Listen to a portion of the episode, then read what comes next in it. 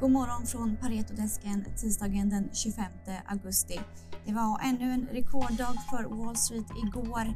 Kina och USA fortsätter att diskutera fas 1-avtalet och idag ska vi prata cleantech med Johan Spets. Men vi börjar som vanligt i USA där eh, Wall Street hade en ännu, ännu en positiv stängning igår. S&P 500 stängde på plus 1 procent, Dow Jones på 1,4 procent och Nasdaq på 0,6 procent. Och igår kväll diskuterade USAs finansminister Steven Mnuchin med Kinas vicepremiärminister fas 1-avtalet och handelsadministrationen skrev i en kommentar efter samtalet att båda sidor ser framsteg och är beslutsamma om att ta nödvändiga steg för att säkerställa att överenskommelsen blir lyckad.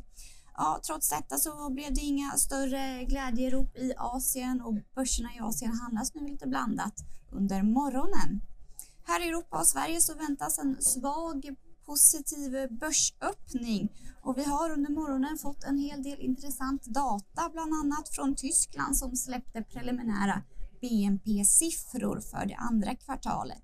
BNP sjönk med 9,7 procent under det andra kvartalet jämfört med det närmsta föregående kvartalet. Och jämför man med samma kvartal året innan så sjönk BNP med 11,3 procent enligt dagsjusterad statistik och det här var i linje med förväntningarna.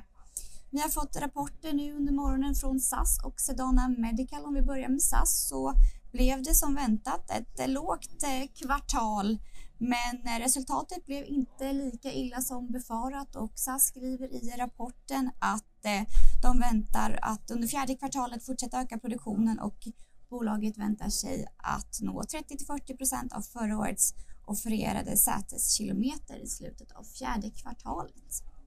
För Sedana Medicals del så ökade intäkterna med 133 procent i kvartalet.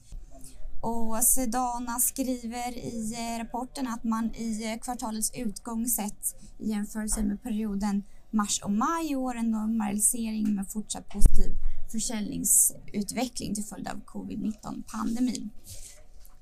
Vi fick precis ett pressmeddelande från AstraZeneca som inleder fas 1 studie med läkemedelskandidaten ACD7442 i syfte att förebygga och behandla smitta av coronaviruset.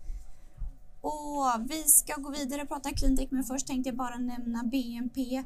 Eh, SCB släppte idag sin konjunkturprognos och eh, SCB tror att eh, Sveriges BNP kommer sjunka med 3,8 procent i år men sen öka igen nästa år med 4,2 procent och 3,1 procent 2022.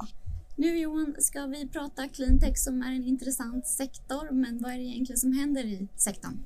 Ja, nu har vi tagit in eh, Q2-rapporterna för samtliga cleantechbolag som vi följer och eh, det är ju då ett antal bolag som alla generellt har haft en ganska trevlig sommar får man säga många bolag som har gått starkt, många aktier som har, som har performat eh, trots covid-19 då, får man ju säga. Så att det var väl ett genomgående tema får jag väl säga för cleantech cleantech-bolagen att de har lyckats ändå, trots att många är, har en bit kvar till lönsamhet, så har de ändå lyckats försöka gasa och bromsa på samma gång i Q2, försöka hålla igen lite på, på på kassaflödet eh, och kostnadssidan. Mm, och för, för om vi framåt. går in lite djupare på Climon där så var ju de kassaflödespositiva i kvartalet. Ja. Eh, vad är det de gör rätt? Ja, det är ett, eh, absolut ett sånt exempel där de liksom lyckas ändå bromsa på, på rätt sätt så att säga. För de har ju haft lite förseningar mm. sen tidigare, kanske framförallt i Island och på marinsidan.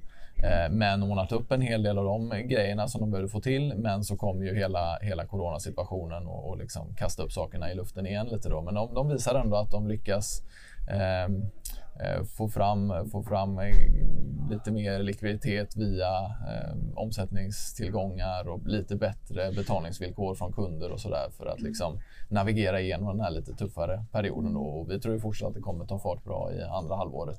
När tror du genomslaget för Climon kommer?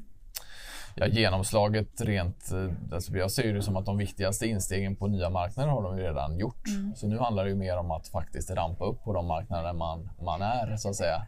Och då blir ju nästa stora genomslag att man når lönsamhet och det ser vi fortfarande kan ske 2022 eh, på, på helårsbasis. Så det blir väl nästa stora eh, skifte för mm. bolaget. För annars vad gäller marknader och kunder så är de på väldigt, väldigt god väg redan, som vi ser det. Mm, härligt. Powercell då kom också med rapport förra veckan. Ja, och där var ju lite, lite, lite starkare än vi hade väntat oss på försäljningen, lite svagare än väntat på ebit. Eh, där handlar det ju väldigt mycket om, som vi ser det då, hur caset ser ut framåt 2040.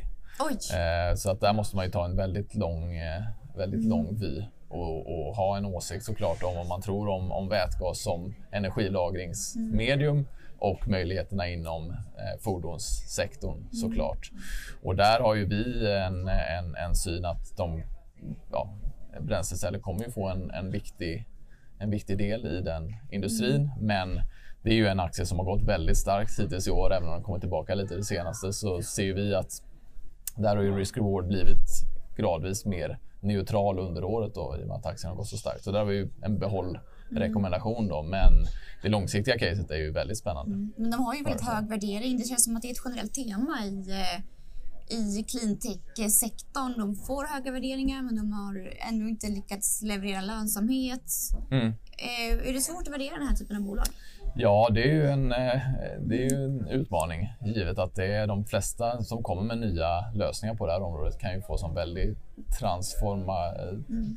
transformationseffekt av hela industrier om det slår igenom. Mm. Så det ser vi ju med ett annat bolag som vi följer, Minesto, som ju också är högt värderat. Mm. Men där är det ju också att man kan öppna upp och möjliggöra en helt ny typ av av energikälla. Då. Eh, och det är klart, det är ju väldigt svårt att tycka att det någonsin är fullvärderat om det fungerar för att då mm. finns det som väldigt, eh, väldigt strukturellt skifte som det kan innebära. Så det är klart, det är en, en utmaning. Man får ändå försöka sätta estimat och, och göra eh, värderingar på liknande sätt som med andra andra bolag såklart. Mm, spännande och vi på Pareto följer ju cleantech-sektorn eh, noggrant så vi kommer ju fortsätta att hålla er uppdaterade i sektorn. Tack så mycket Absolut. Johan Spets. Ja.